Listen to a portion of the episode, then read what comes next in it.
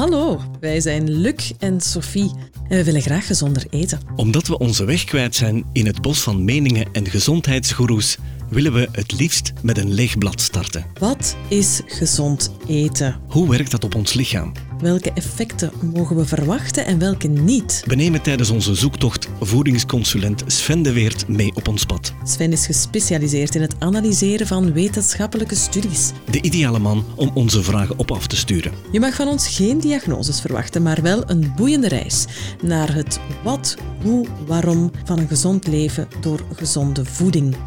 Welkom bij Beetweters. Welkom bij alweer een nieuwe aflevering van Beetweters. Dag Sophie, dag Sven. Oh, dag Luc. Ik zou meteen een vraag in de groep willen gooien, want ik kreeg een berichtje van Bert. En die vroeg mij, hoeveel calorieën moet ik verbranden vooraleer ik 1 kilo kan afvallen?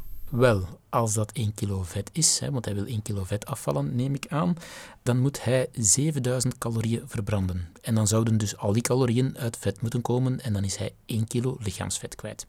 7000. 7000 calorieën is 1 kilo lichaamsvet. En als ik een uur rondloop of ik ga joggen uh, op het hegniveau, hoeveel verlies ik dan ongeveer? Uh, iets van een 300, 400, 500 calorieën, andere lang van.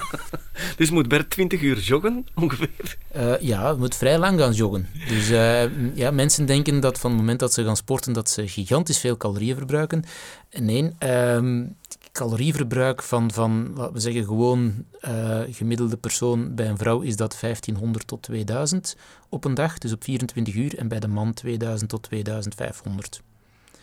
Dus om dan uh, inderdaad uh, 7000 calorieën te verbranden, ga je een paar dagen niets moeten eten, bij wijze van spreken. En als dan al hetgeen dat je verbrand hebt effectief vet is, dan ben je een kilo vet kwijt. Mm -hmm. Misschien kan ik een uh, voorbeeld stellen aan Bert. Door uh, jullie ook mee te delen dat mijn uh, keto-dieet dat dat vrij goed gaat en dat ik het snoepen volledig kan weglaten. Wow. Ik ben ook op zoek gegaan naar een alternatieve koffie. Ik ben te weten gekomen dat dat eigenlijk niet bestaat. De smaak van koffie is onmogelijk te vervangen. En, en, zoals Sven misschien kan bevestigen, er bestaat wel die uh, eikelkoffie of die bamboekoffie, maar ik vermoed dat dat ook uh, acrylamide gewijs niet zo'n verstandig uh, idee is. Dat, dat, kan ik zo niet zeggen. Wat daar normaal gezien, dat zou ik een keertje moeten opzoeken. Maar ik heb ontdekt dat dus um, de Italiaanse koffie, dat die een stuk gezonder blijkt te zijn. Eén, omdat het water gekookt door de koffie gaat en daardoor minder cafeïne zou bevatten en dus ook minder hoofdpijn, maar vooral omdat in tegenstelling tot de patches en de capsules in de, in de andere koffiezetapparaten, dat er veel minder schuimmaker, veel minder kleurstof en veel minder smaakstof zou aan toegevoegd zijn, omdat je letterlijk de pure geroosterde bonen neemt, die maalt en daar het water laat doorgaan. En ik moet zeggen, ik ben van de hoofdpijn verlost. Maar wacht, je zegt de het water, het gekookte water, loopt erdoor, maar dat is toch bij elke koffie? Door die bekende koffieapparaten, daar zou het water niet meer gekookt doorlopen. Daar wordt het doorgestuwd, doorgeduwd onder, onder druk, maar dat water zou niet koken. Terwijl die Italiaanse koffie, je kookt het water van onder, ja? je legt er de koffie aangestampte boven, bovenop en het water gaat dus letterlijk door het feit dat het gekookt is, gaat het door een klein buisje naar boven. Ja? En dan neemt het gekookte water de smaak van de koffie mee. En dat zou je niet meer hebben bij de andere bekende apparaten die we nu in de winkel kopen. Okay. En waar we de koffie door patjes en capsules maken. Ik stel voor dat je dan straks eens een keertje uh, ons een koffietje, een Italiaans trakteert. Goed idee, goed idee. Maar eerlijk gezegd, ik ben heel benieuwd naar dat hoofdstuk van de oliën. Want Sophie, jij zat daar wel met een aantal vragen, hè? Ja, en ik niet alleen. Ik heb het uh, ondertussen ook in mijn omgeving uh, een navraag gedaan. Sven, er zijn zoveel oliën op de markt waar we mee uh, koken, die we verwarmen. Maar blijkbaar is er heel veel verschil tussen oliën. He, dus bijvoorbeeld, ik denk onze meest gebruikte oliën in de keukens, dan denk ik aan olijfolie, zonnebloemolie. Uh, kokosolie is wel heel populair ook geworden, de arachideolie en ook wel, denk ik, walnootolie, lijnzaadolie. Er bestaat ook zelfs avocadoolie. Maar blijkbaar is er toch wel een heel groot verschil in gebruik. Um, in wat aan te raden is. Sommige mag je verwarmen, sommige mag je niet te veel verwarmen. Andere gebruik je eigenlijk beter als soort van dressing. Hou je dus liefst koud. Kan je ons daar ons eens wat informatie over geven? Want ik ga heel eerlijk zijn. Ik gebruik mijn olie allemaal op dezelfde manier. Namelijk, ik doe ze in de pan, ik verwarm en ik bak ermee. Mhm. Maar blijkbaar is dat niet zo interessant of niet zo verstandig. Ehm, olie is heel gezond.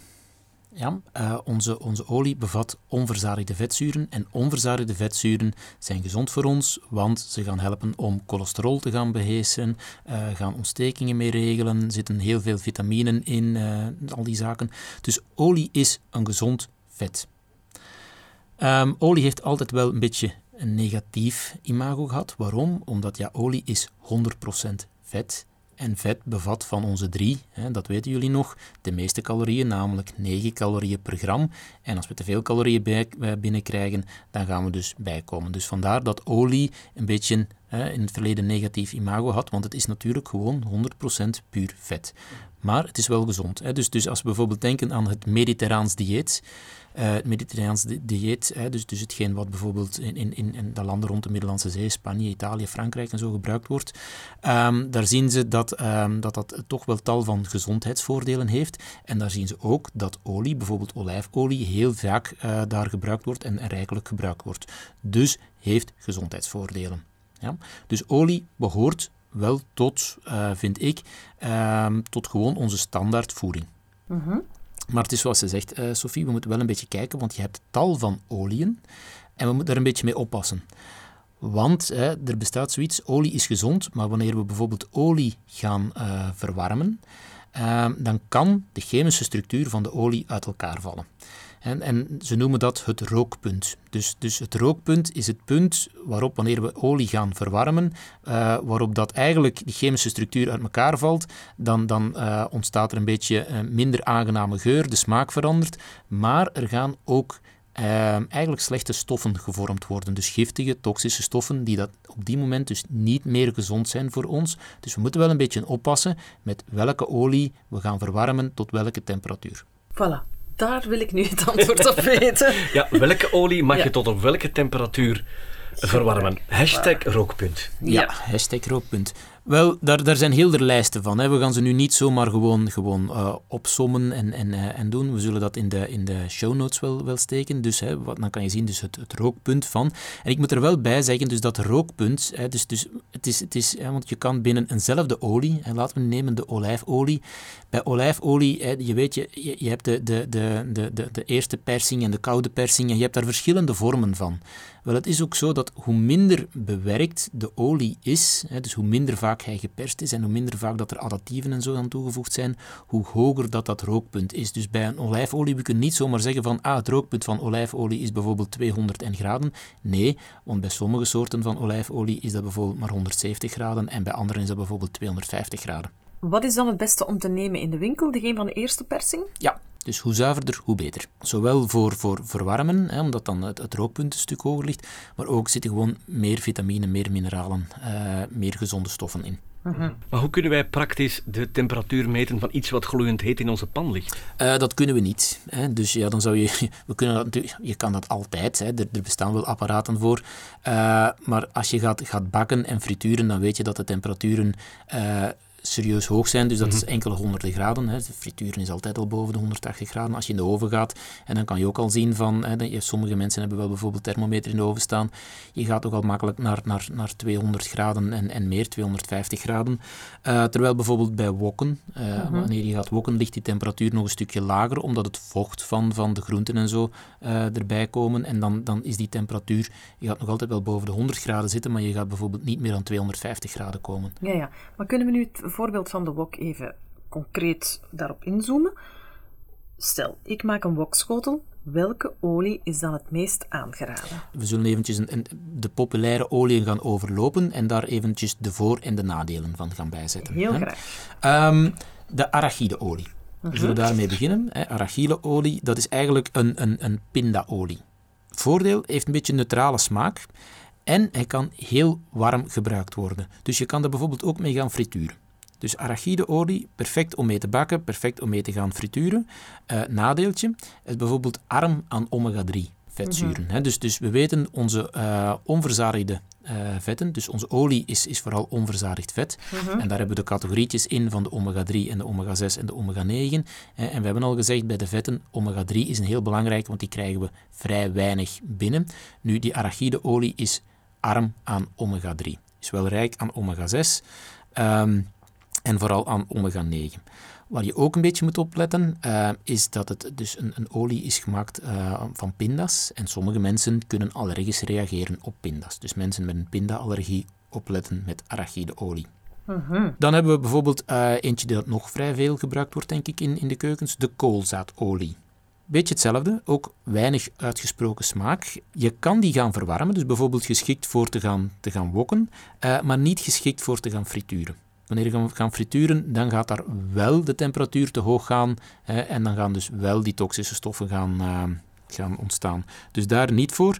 Uh, voordeel van bijvoorbeeld koolzaadolie, dus als je die zou gaan gebruiken om te gaan wokken, uh, bevat vitamine E en vitamine K, dus de vetoplosbare vitamintjes. Uh, die dat toch wel belangrijk zijn voor ons. Hè, want bijvoorbeeld vitamine K zorgt ervoor dat calcium uh, in de botten terechtkomt. Hè, en, en dus dat we sterke botten gaan krijgen. Dus uh -huh. koolzaadolie is daar een goede voor. Dan uh, misschien de meest gekende, de olijfolie. Er zijn verschillende vormen van olijfolie en gebruik dan toch altijd de meest zuivere, hè, uh, die dat je kan vinden. De, de, prijs is dan gewoonlijk een beetje hoger, maar ga dan toch wel voor die, voor die kwaliteit. En dat is die eerste persing, hè? Ja, dat zijn dus de die. De smaak van olijfolie is wel meer uitgesproken. Dus olijfolie heeft een, een, een meer uitgesproken smaak. Je kan die gaan verwarmen tot ongeveer 180 graden. Dus ik zou olijfolie niet gebruiken om, om te gaan bakken. En ik weet dat veel mensen dat toch gaan, gaan doen. Dus hè, we gaan olijfolie in de pan en daar gaan we een stukje vlees op bakken en zo. Ik zou dat niet doen. Ik zou olijfolie eerder voor de, de koude gerechten, eventueel wokken, maar ik zou olijfolie eerder voor de koude gerechten gaan gebruiken heel rijk aan, aan tal van, van, van goede stofjes. Hè. Dus vandaar ook het effect van het mediterraans dieet. Dus olijfolie een hele goede, maar ik zou hem dus koud gaan gebruiken. Ik weet zelfs dat sommige mensen met olijfolie niet willen bakken omdat die te veel spettert. Um, ja, dat, dat uh, is een van de, van de... Zo zijn er nog wel oliën. Hè. dus, uh, en nog wel, wel producten. Bijvoorbeeld en met, met, met kokos kan je dat ook wel hebben. Hè, maar daar komen we zo meteen nog wel aan. Ik, ik, heel eventjes nog. Dus de olijfolie, wat ik wel af en toe ook doe, is um, groenten een beetje aanstomen. Um, en dan er uh, olijfolie op doen in een, in een pan of in een, uh, in een ovenschotel en dan de oven in. Dus dat is eigenlijk ook niet zo interessant. Uh, wel, als je zegt van kijk, tot een bepaalde warm, temperatuur, dus, dus boven de 180 graden uh, kunnen dus er het op 180 ontstaan. zet. Ja, dus ja. Je, zoals ik zei, je kan verwarmen, maar ga hem niet heel, heel warm maken. Dus mijn voorkeur eerder naar koudere gerechten. Mm -hmm. en dus, dus ik zou er niet mee gaan bakken. Oké. Okay. De walnootolie. Mm -hmm. Bij de meeste mensen nog niet zo gekend. Hè? Dus, dus walnotolie heeft wel een heel uitgesproken ja. nootachtige smaak. Ik vind hem zelf heel lekker. Heel rijk aan omega-3, dus dat is daar een hele goede voor. Maar walnootolie uh, wordt wel snel, dus bij, bij verhitting kan die absoluut niet tegen. Dus gewoon al kamertemperatuur kan die al dus de smaak en, en, en, zo, en de reuk gaan veranderen. Dus wordt het, het ranzig worden van de olie, zeggen we dan, dat kan al bij kamertemperatuur, bij walnootolie. Dus walnootolie uh, best in de koelkast bewaren en dus zeker voor koude gerechten, zeker niet gaan mee verwarmen, zeker niet mee gaan bakken. En als je bedoelt um, niet verwarmen, kou gebruiken, dan gaat dat toch over gewoon een dressing dan? Ja, hè? Dus dat gaat het, gewoon over de dressing, inderdaad. Ja. Nog eentje die misschien gekend is, de, de hennepolie. En bestaat ook. Um, niks te maken met, met de hennep uh, die dat in andere omstandigheden gebruikt wordt. Maar een hennepolie, ook uh, vrij uitgesproken, uh, of nee, sorry, eerder neutrale smaak. Hè, dus de hennepolie. maar hetzelfde als bij de walnootolie, dus valt ook vrij snel uit elkaar. Dus gewoon bij de koude gerechten gaan gebruiken. -huh. Druivenpitolie. Wauw, die kende ik nog niet. Ik ook niet. Dus druivenpitolie bestaat ook. Um, hele goeie, bevat um, uh, heel veel antioxidanten. Ook de smaak vrij neutraal. Hij kan verwarmd worden, maar ook niet gaan frituren. Dus je kan bijvoorbeeld druivenpitolie ook gaan gebruiken om uh, te gaan wokken of zo, maar ik zou er niet mee bakken en zeker niet mee gaan frituren. Vandaar dat hij waarschijnlijk niet zo populair is, omdat hij geen uitgesproken smaak heeft en eigenlijk niet mag gebruikt worden om te bakken. Ja, dus ook de meeste olie, kijk, als je gewoon naar de supermarkt gaat, daar staan dus de, de, de traditionele, dus de, de olijfolie staat Mhm. daar, en de zonnebloemolie en de maïsolie en, en de koolzaadolie, die staan daar. Ja. Maar dat is een beperkt gamma. Je moet al eerder naar natuurwinkel, biowinkel, om bepaalde andere te gaan, eh, te gaan vinden. Hè. Dus, ehm, Voilà, ik kan me inbeelden dat iemand een walnootolie op zijn dressing gebruikt omdat dat een uitgesproken smaak heeft. Maar als het dan neutraal is, zoals die druivenpietolie, waarom zou je hem dan kopen? Ah, voor, de, voor die antioxidanten? Ja, om, ja dat is een goede inderdaad. reden. Dat is een goede eh, reden, om dus gezondheidsredenen, een beetje hetzelfde als de zonnebloemolie. Ik weet niet, hè, Sophie, jij gebruikt Ja. zonnebloemolie, Ja. maar je gaat er ook mee bakken. Ja. Wel, Want dan denk ik, dat is nog beter dan een olijfolie om te bakken. Dus zeg nu please niet dat Nee, ik is daar een niet beetje- mee mag bakken. Hè? Wel, hangt een beetje, hangt een beetje vanaf. Dus, zonnebloemolie, je zal wel weten, je, je, gebruikt, hem- dus je gebruikt hem niet als dressing. Nee. Eh, zonnebloemolie ook gewoon neutrale smaak. Hè. Ehm, is ook, ja, hij is warmtebestendig, ehm, maar ik zou toch ook, je kan er eventueel, maar ik zou toch eh, eerder andere zaken gebruiken om te gaan, om te gaan bakken. Dus hij kan wel, hij kan tegen verhitting. Hè. Dus het, is, het is niet zoals bijvoorbeeld bij, bij een hennepolie of bij, bij een walnootolie, ehm, dat je dan eh, vrijwel meteen problemen creëert. Dus hij kan wel tegen verwarming, eh, maar als je echt serieus gaat, gaat bakken, die temperaturen kunnen redelijk, eh, redelijk oplopen en alles. Dus ik zou dat niet doen. Oeps. Vandaar. Dan wil ik vooral dringend horen waar ik mee moet gaan bakken. Ehm, wel eentje die dat je nog niet gaat kennen of, of heel weinig gaat vinden, de macadamiannoot. Ik weet dat Luc de macadamiannoten graag eet. Absoluut. Handjevol, hè? Ja, Uh, maar dat bestaat dus ook als olie. Moet je dan eerder ook voor naar een natuurwinkel gaan. Ehm, die is heel stabiel. eh, en die kan je dus ehm, ook gaan gebruiken voor braden, eh, bakken. Ehm, heel rijk aan enkelvoudig onverzadigd vet. Ehm, maar, nadeeltje, als je naar de macadamiannoten... Ik weet niet, eh, Luc, jouw noten... De prijs is al een beetje hoger, denk ik, van de macadamiannoten. absoluut. Dat, is, dat vind ik een van de nadelen van die macadamia Wel, dus ook bij die olie, Ja, eh, ja. die is vrij kostelijk. Het is officieel ook de hardste noot van allemaal, denk ik. Ja, dus dat, kan, dat weet ik niet. Dat, eh, dat ga ik aan jou overlaten als je zoveel eet. Ehm, dus. Maar dus de macadamian, heel gezond, heel goed, maar het gaat vrij veel kosten. En waarschijnlijk ook daarom dat de meeste mensen die niet kennen en dat die Mhm. dus eh, weinig gebruikt wordt. Ja, ja. Dan de avocado-olie. Hmm. Eh, hele goeie. Ehm, ook heel veel vitamine E. Ehm, heel stabiel, heel eh, hittebestendig. Rookpunt ligt boven de 250 graden. Meer omega-3's en omega-7 dan bijvoorbeeld olijfolie. En voor de rest ook heel veel andere nutriënten nog die dat erin zitten. Dus avocado-olie, een hele goeie.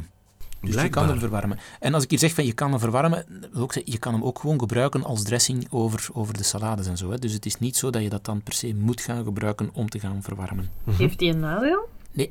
Waar vinden we hem? Ja, eerder biowinkels, eh, webwinkels, die zaken. Dus als je dat eventjes googelt, dan ga je die wel, eh, wel terugvinden. Dan is dat misschien nog wel eventueel een nadeel. Hè? Moeilijk te Dat je hem vinden. niet in de, in de reguliere winkel kan Ja, eh, Ja, terugvinden. Ten, tenzij we een hele goede leverancier vinden die ons die oliën kan aanreiken en zeggen waar we die gemakkelijk kunnen vinden. We gaan op zoek. Dat is goed. Oké. Dan hebben we degene die dat de laatste jaren populair geworden is, het kokosvet. Ja. Mhm. Ja. Nu, kokosvet ga ik meteen bij zeggen. Dus normaal gezien, al onze oliën zijn onverzadigd vet. Bij kokosvet is het zo, kokosvet is verzadigd vet. Vandaar dat er gezegd wordt, door, door bijvoorbeeld de diëtisten en zo, van kijk, gebruik geen kokosvet, want het is verzadigd vet. En verzadigd vet heeft nog altijd ehm, een negatieve, ja, negatieve achtergrond, eh, omdat het in verband gebracht wordt met hart- en vaatziekten en, en, en eh, cholesterol en al die zaken allemaal. Mhm. Nu, kokosvet voor bijvoorbeeld mensen die het keto-dieet volgen, daar wordt kokosvet heel veel gebruikt. En waarom is dat? Wel, dat is omdat kokosvet eh, meteen als energie gebruikt kan worden voor het lichaam. En wanneer we in ketose gaan, dan gaan we dus vet als energie gaan gebruiken. Het voordeel van kokosvet is dus dat de ehm, vetzuren die dat daarin zitten anders zijn. Het is een verzadigd vet, maar het is eigenlijk een, een plantaardig verzadigd vet. Dus die vetzuren zijn anders dan bijvoorbeeld het verzadigde vet dat we terugvinden in, in kaas en in, in melk en in de vleesproducten en zo. Ja. Dus kan meteen als, ehm, als, als energiebron gebruikt worden. Ehm, voor de rest zijn er ook nog andere gezondheidsvoordelen aan kokosvet. Eh, bijvoorbeeld kokosvet, eh, antibacterieel. Dus bijvoorbeeld mensen die met gisten en schimmels in de darmen zitten. eh, het, het vetzuur, het kokosvet, gaat die gisten en schimmels gaan afdoden. Mhm. Ja. Um, wordt ook gebruikt voor wondgenezing, maar dat is natuurlijk, ja, dan gaan we het uh, op een andere manier gaan gebruiken. Uh, maar bijvoorbeeld antiviraal. Dus, dus kokosvet bevat wel tal van, van goede eigenschappen. Um, er zijn ook studies die zeggen dat kokosvet um, zou ontstekingsremmend zijn, dus bijvoorbeeld voor de darm, dus mensen met, met ziekte van Crohn en zo. Mm -hmm. uh, dus daar kokosvet voor gaan gebruiken. Ik ga er ook wel bij zeggen, dus kokosvet is de laatste jaren populair geworden. We vinden vele vormen van kokosvet terug. En het nadeel van kokosvet is bijvoorbeeld van ja, het smaakt naar kokos. Uh-huh. Dus wat hebben ze dan gedaan? Ja, we zijn, we zijn het kokosvet, we zijn daar de, de smaak gaan uithalen en we zijn daar nog andere dingen. Dus we zijn dat weer al gaan bewerken. En dan krijg je het kokosvet dat nu in de meeste supermarkten uh, terug te vinden is. En dan hebben we een, natuurlijk kokosvet, hè, wat, wat je heel hoog... Het voordeel, een ander voordeel van kokosvet is, je kan daar dus mee gaan bakken en bijvoorbeeld mee gaan frituren. Hè, dus die chemische structuur die valt uh, niet zo snel uit elkaar, dus daar is het heel geschikt voor.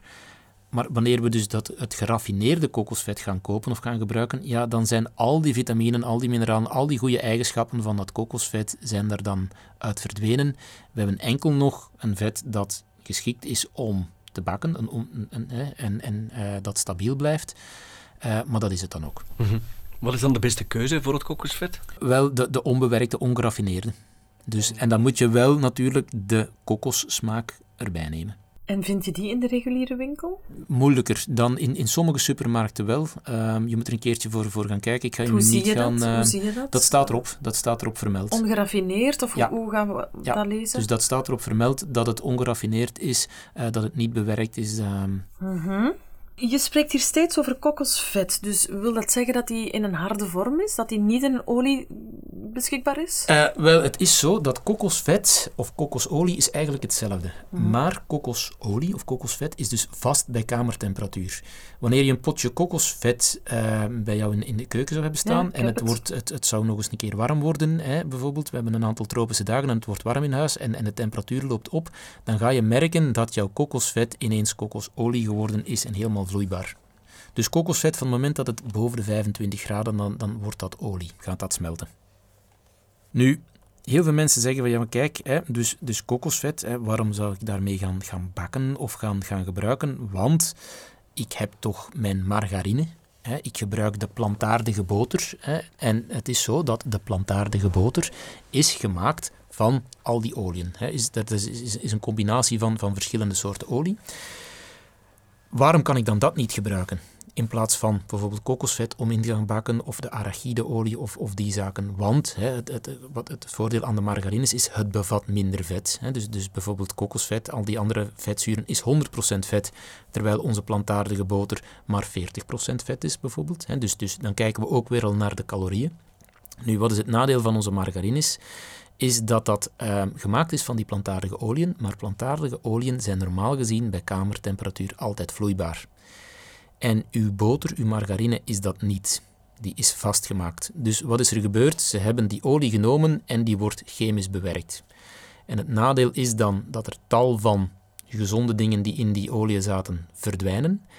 En ook dat er dus transvetzuren ontstaan. En die transvetzuren, dat zijn dus de vetzuren die dat we niet willen. Dat zijn diegenen die dat dus bij bepaalde temperaturen ontstaan, uh, die dat dus niet meer gezond zijn. Dus niet bakken of braden met margarine? Voor de calorietjes wel, voor de gezondheidsvoordelen niet. En het is ook zo, kijk, wanneer we toch gaan bakken en braden, uh, is het zo, en dan kan je zeggen van kijk, wanneer we de plantaardige boter gebruiken met maar 40% vet, of we gebruiken een olie met 100% vet, wanneer we gaan bakken en braden, is het niet zo dat er gigantisch veel van dat vet in ons vlees extra gaat, gaat komen of zo. Dat is gewoon om niet aan te bakken in de pan. Het is natuurlijk iets anders wanneer we bijvoorbeeld eh, op de boterham gaan smeren. Hè. Dus heel veel mensen smeren boter op de boterham. En vroeger was dat de gewone boter, de, de hoevenboter. En dat vetgehalte was vrij hoog en dat was uh, ook nog eens een keertje verzadigd vet, wat dus in verband gebracht werd met al de nadelen van de gezondheid, is dan vervangen door de plantaardige boter, dus minder vet minder calorieën. Dat klopt, maar ook veel minder voedingsstoffen. En het nadeel is dus dat er nog altijd transvetzuren in zitten. En die transvetzuren die zijn niet zo gezond. De laatste jaren zijn het gehalte aan transvetzuren wel serieus gedaald in onze plantaardige uh, boters, maar ze zit er nog altijd wel in. Sven, ik las in een van mijn kookboeken dat uh, bepaalde chefs gaan mixen. Die gebruiken een deel olie en een deel vet. Heeft dat een voordeel?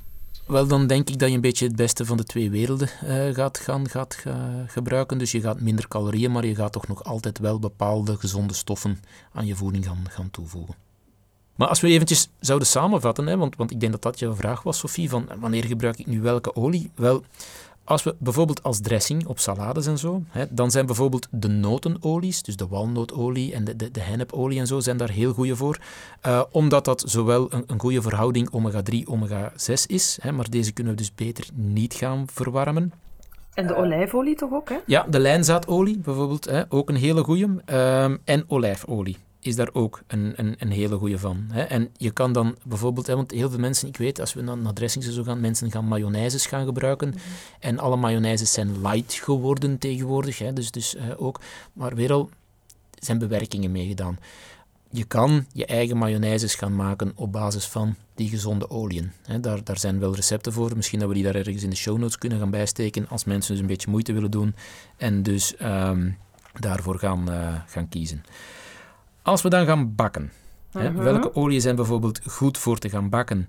Dan kunnen we bijvoorbeeld uh, die, uh, de, de canola-olie, dus de, de, de, de koolraapolie uh, is daar bijvoorbeeld een goede voor. De olijfolie, hè, dus die jij gebruikt, uh, Sophie, is, is daar een hele goede voor.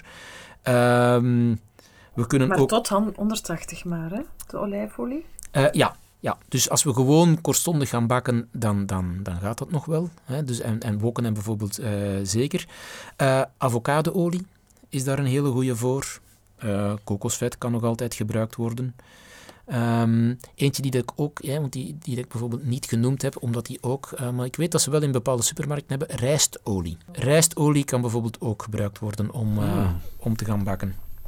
En om dan te gaan uh, frituren, Um, als we dan toch de, de, de olie gaan gebruiken om te gaan frituren, dus de kokosolie is daar een hele goede voor. En dan de arachideolie. Ja. Dus die twee zijn het beste om te gaan frituren. Waarvoor gebruik ik nog mijn zonnebloemolie? Waar, ik, waar ik dacht zonnefan van te zijn. Ja, wel, jouw zonnebloemolie kan je ook perfect gebruiken als dressing. En jouw zonnebloemolie kan je ook gebruiken om bijvoorbeeld te gaan wokken. Um, maar ik zou hem niet te hard gaan verwarmen. Ja, Oké. Okay. ik ga mijn. Ik ga. Ja. Ik ben stil omdat ik. Weer het gevoel heb dat ik heel mijn keukenwereld moet gaan omgooien. Uh, ik denk het niet, want je hebt al van goede ah. oliën in jouw keuken staan. Het is enkel gebruik ze een beetje op een andere manier. Gebruik jouw, jouw uh, zonnebloemolie, gebruik hem over jouw dressing. De olijfolie kan je nog altijd mee bakken en je kan hem gebruiken in de dressing. Gebruik kokosvet, wil je gaan frituren. Um, uh, gebruik die zaken allemaal. Dus mijn voorkeur voor, voor bakken en frituren, uh, dus echt de hogere temperaturen, uh, is een kokosvet uh, olie of eventueel de arachideolie. Ja. Oké, ik wil een stukje vlees. Kip. Mm -hmm. Laat ons nu gewoon zeggen kip. Niet nog ineens geen vlees, gevogelte. Mm -hmm. Dat doen we met een olie of best met een... Uh, wel, ik gebruik persoonlijk zelf dus de, de kokosvet, hè, dus ja. dus kokosvet of kokosolie uh, of de rijstolie. Of, en dat klinkt dan voor mensen soms misschien een beetje raar, de gewone, uh, echte goede boter Boters, van ja. vroeger. Ja. Dus, dus die kan er ook nog altijd voor gebruikt worden. En zoals ik al zei, bij het bakken, het is niet zo dat je, dus, dat je daar uh, heel de grammen van op de boterham smeert en zo opeet. Wanneer dat gewoon is voor het bakken, is het niet zo dat je er heel veel extra van gaat, uh, gaat opeten. -huh. En voor vis? Hetzelfde. Ja. Dus alles hetgeen wat we gaan, gaan bakken is een beetje hetzelfde. Ik ben blij dat we deze informatie kunnen meegeven, want ik, ik ben van mening dat we dit veel te weinig vinden. Her en der. Ik heb een aantal dingen gehoord waar ik nog nooit van gehoord had hier. Dus uh, ik ben nu geen uh, kok van opleiding, maar ik vind dat wij veel te weinig informatie rondom ons in de media vinden hier omtrent. Absoluut, absoluut. Ja. Ik heb hier gewoon gaan noteren geweest. Als, uh, hey, ik heb hier kolommen zitten opschrijven om, om het in mijn keuken te hangen. Ja, wel, bij de meeste oliën staat er wel vermeld van geschikt om eh, hè, bijvoorbeeld te frituren of geschikt om te Ja. bakken of geschikt om van die zaken allemaal. Maar het hangt er natuurlijk een beetje vanaf, inderdaad, van, van, hè, van de kwaliteit van de olie. Hè. Dus, dus eh, hoe zuiver is die, eh, hoe bewerkt is die. Daar hangt dus dat, de kwaliteit van af en, en, dat rookpunt van af. Eh, en dan bijvoorbeeld ja, sommige oliën, zoals bijvoorbeeld de walnootolie, absoluut niet gaan verhitten en best in de koelkast bewaren. Maar dat staat ook op de fles, maar je moet het natuurlijk lezen. Ja, oké, wie leest dat nog, hè? Ja. Ik niet. Dus, Onbekend is onbemind. ja, inderdaad. Ja, als je al die producten moet gaan lezen. Of je kan naar de podcast luisteren. Voilà, Heel nu goed zijn idee. we er. Dit is een perfecte afsluiter, Sven. Oké, Bedankt alweer en graag tot een volgende keer. Oké, tot de Dankjewel. volgende. Bedankt voor het luisteren. Hopelijk heb je er wat van kunnen opsteken. Heb jij ook een vraag voor Sven of wil je graag iets delen met ons? Laat het ons gerust weten. Als je de aflevering fijn vond, mag je dat ook altijd laten weten op jouw social media kanalen. Tag ons via Beetweters. Een review is ook altijd welkom.